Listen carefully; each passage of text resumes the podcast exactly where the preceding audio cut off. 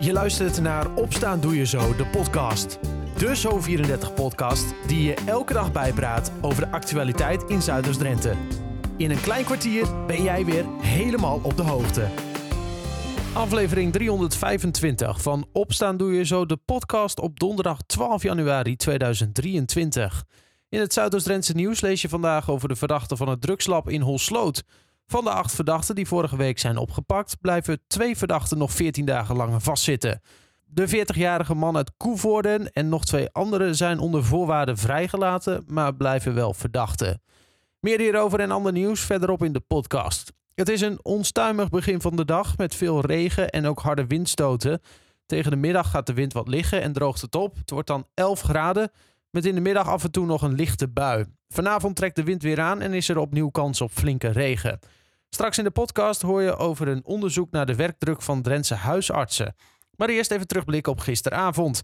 FCM kwam in actie in de KNVB-beker. De ploeg speelde in Venlo tegen keukenkampioen divisionist VVV Venlo. Het was nog even benauwd, maar gelukt. FCM bekert verder. Het versloeg gisteravond VVV met 3-2 door een late goal van Araujo. We speelde een prima eerste helft en ging met 2-0 voorsprong rusten.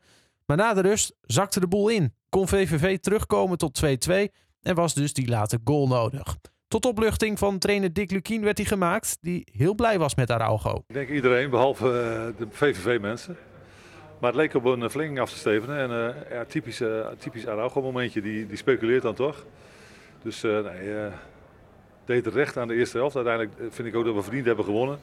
Alleen die tweede helft was natuurlijk dramatisch. Oh, oh, oh. Hoe kan dat, hè? Want want jullie waren hier de meester. En dan geef je het. Nou, ik weet niet of je het uit de hand. Ja, je geeft het uit de handen, toch? Is dat het, is dat het gevoel wat jij ook had? Nou, kijk, na, de wedstrijd kun je maar één conclusie trekken. Als je doet wat we met z'n allen afspreken. Dus de eerste helft uh, krijgen we iedere keer mensen vrij. Stellen we hun voor keuzes. Zijn we snel en vaardig aan de bal. Spelen we hoog tempo. Hadden we nog meer, vind ik, van rechts naar links moeten kunnen komen. Maar gewoon heel veel momenten gehad uh, waarin we makkelijk in, in hun of in de buurt van hun 16 komen klinisch zijn in de afronding. Had er misschien nog eentje bij gemogen. Je rijdt drie keer de paal en lat, hè? Paal en lat geraakt. Dus, dus uh, prima eerste helft. Dat benoem je ook zo in de pauze. Uh, en ik heb gezegd van weet je, de restverdediging op orde houden, alle tweede ballen oppikken en blijf doen wat je doet. Ja, en dan denken we toch op uh, 90% die wedstrijd te kunnen uitspelen. Eigenlijk vanaf minuut 46. Ja. ja, dat is gewoon een kwalijke zaak. Dat, dat mag niet gebeuren. Onderkennen ze na afloop ook gelijk. Uh, ja, dan kom je met de schrik vrij en dan zit je in de, in de, volgende, in de volgende bekerronde, dat is goed. En dan is er altijd iets om uh, aan te blijven sleutelen. Ja, we beginnen even bij de eerste helft. Ik vond dat jullie uh, geconcentreerd en goed begonnen. Alleen heel gevaarlijk werd je in het begin nog niet. Het was misschien nog wel wat te voorspelbaar. Dat veranderde, vond ik. Toen Romani ging zwerven, Diemers ging zwerven. Was dat ook jouw plan? Is ja. dat in het begin te weinig? Ja, maar in het, begin, in het begin lag er gewoon te weinig ruimte. En dat, dat zie je, dat VVV was heel compact. Ja, dan moet je in een hoog tempo blijven spelen en dan komen die ruimtes vanzelf. Nou, dat gebeurde denk ik na een minuutje of twintig. Ja. ja. en dan heb je met Romani en Diemers gewoon uh, geweldige jongens tussen linies. Ja, dat bleek ook. Daar, uh, ik denk vanaf minuut 20, 25 tot aan de pauze ja, kunnen we vier, vijf keer scoren. Uiteindelijk, uiteindelijk gaat het om winnen. Dat is gelukt. Dat is gelukt. Dankzij het teentje van Araujo. Teentje van Araujo. Echt een typisch Araujo moment. En uh, dat brengt ons in de derde ronde van de beker. Ook al een tijdje geleden. Aldus trainer Dick Lukien van FCM in gesprek met verslaggever Niels Dijkhuizen. Zaterdag is de loting voor de volgende ronde. Dan hoort Emme tegen wie ze spelen in de achtste finale. Na het nieuws hoor je over een onderzoek om werkdruk bij Drentse huisartsen te verlagen. Van de acht verdachten die vorige week zijn opgepakt bij de vondst van een drugslab aan de Eldijk in Holsloot, blijven twee verdachten nog 14 dagen langer vastzitten. Dat heeft de rechtercommissaris besloten. Het gaat om een 54-jarige man uit Den Haag en een 55-jarige man uit het Noord-Brabantse Halderbergen. De 40-jarige man uit Koevoorde is samen met twee andere verdachten onder voorwaarden vrijgelaten. De drie zijn nog wel verdachten in de zaak. Tussen Buinen en Bronniger is gisteravond een auto te water geraakt. De bestuurder van de auto is in de ambulance overgebracht naar het ziekenhuis. Door een onbekende reden raakte de auto van de weg en belandde deze in het water aan de Bronnigerstraat. Volgens omstanders heeft de bestuurder zelf de hulpdiensten gebeld, die de inzittenden vervolgens uit de auto hebben gehaald. En tot slot, een fietser is gistermiddag gewond geraakt bij een ongeluk in Emmen. Op de Abel Tasmanstraat kwam de fietser in botsing met een auto. Wat er precies misging is niet bekend. De fietser is door een ambulance naar het ziekenhuis gebracht. Eén rijstrook van de Abel Tasmanstraat werd tijdelijk afgesloten voor verkeer. Nou, tot zover het nieuws uit Zuidoost-Drenthe. Voor dit en meer kijk je ook bij ons online op zo34.nl en in onze app. De Drentse huisartsenvereniging Dr. Drenthe heeft meegewerkt aan een onderzoek om de werkdruk te verlagen. Onderzoeker Rowan Smeets promoveert hem morgen op aan de Universiteit Maastricht. Voor huisartsen is het soms een probleem dat patiënten elke week langskomen. En dat kan anders, legt Smeets uit. Nou, ik denk dat het belangrijkste uiteindelijk is dat er meer wordt gekeken naar de behoeften van patiënten. En uh, mensen met dezelfde ziekte krijgen ook grotendeels dezelfde zorg. Het idee van die nieuwe aanpak, die we samen met de zorggroep Dr. Drenthe hebben ontwikkeld en Zilveren Kruis, is dat er meer wordt gekeken naar wat is nou echt de vraag achter um, ja, bijvoorbeeld veel bezoeken van de praktijk. We weten dat een kleine groep patiënten eigenlijk voor veel werkdruk zorgt in de praktijk. Um, en dat er dus veel verschillen zitten in hoeveel behoefte mensen hebben aan zorg. Um, een van de onderdelen van een nieuwe manier van werken is dat huisartsen uh, in gesprek gaan uh, met patiënten in een ander gesprek, noemen ze het zelf. En kijken naar wat is nou eigenlijk de kern van het probleem. En ook proberen eigenlijk gezondheid heel breed in kaart te brengen. Dus niet alleen wat speelt er lichamelijk, maar ook kan iemand sociaal goed functioneren, kan iemand goed rondkomen. Um, en waar zit dan de, de, de oplossing uh, van het probleem? En ligt die oplossing ook wel in de huisartspraktijk?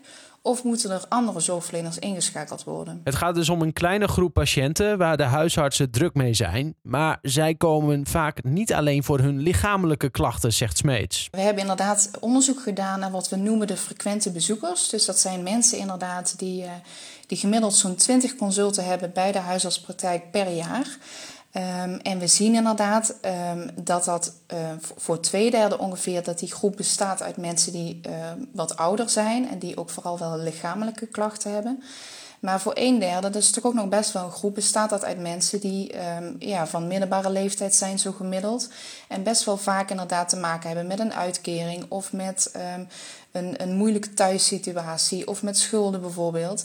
En um, het is natuurlijk zo dat de huisarts um, ja, um, voor heel veel zorgvragen natuurlijk beschikbaar is. Ja. Maar als de kern van het probleem meer sociaal is of meer financieel is, dan hoort dat eigenlijk niet op het bord van de huisarts. Er is een tijd lang met de nieuwe aanpak gewerkt, dus met een ander soort gesprek tussen huisarts en de patiënten die vaak langskomen. De grote vraag is alleen of het helpt. Voor nu nog wat moeilijk te zeggen. Um, dat heeft ook te maken met de korte looptijd van het onderzoek. Dus we doen nu pas uh, zo'n klein jaar eigenlijk onderzoek naar de effecten van, dit, uh, van deze nieuwe manier van werken.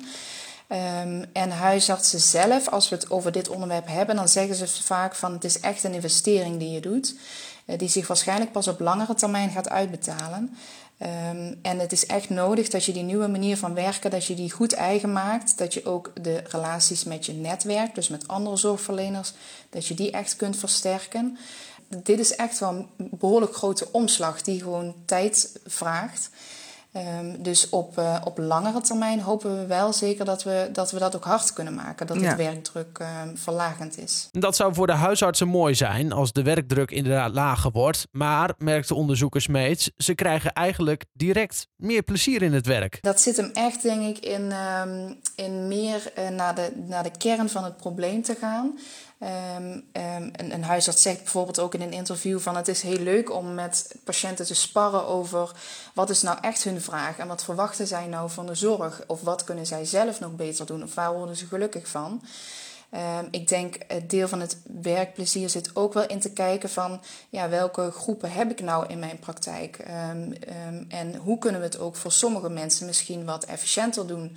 Uh, als je voor sommige mensen wat meer wil investeren, betekent het ook dat je voor andere mensen het efficiënter moet doen of wat minder kunt doen.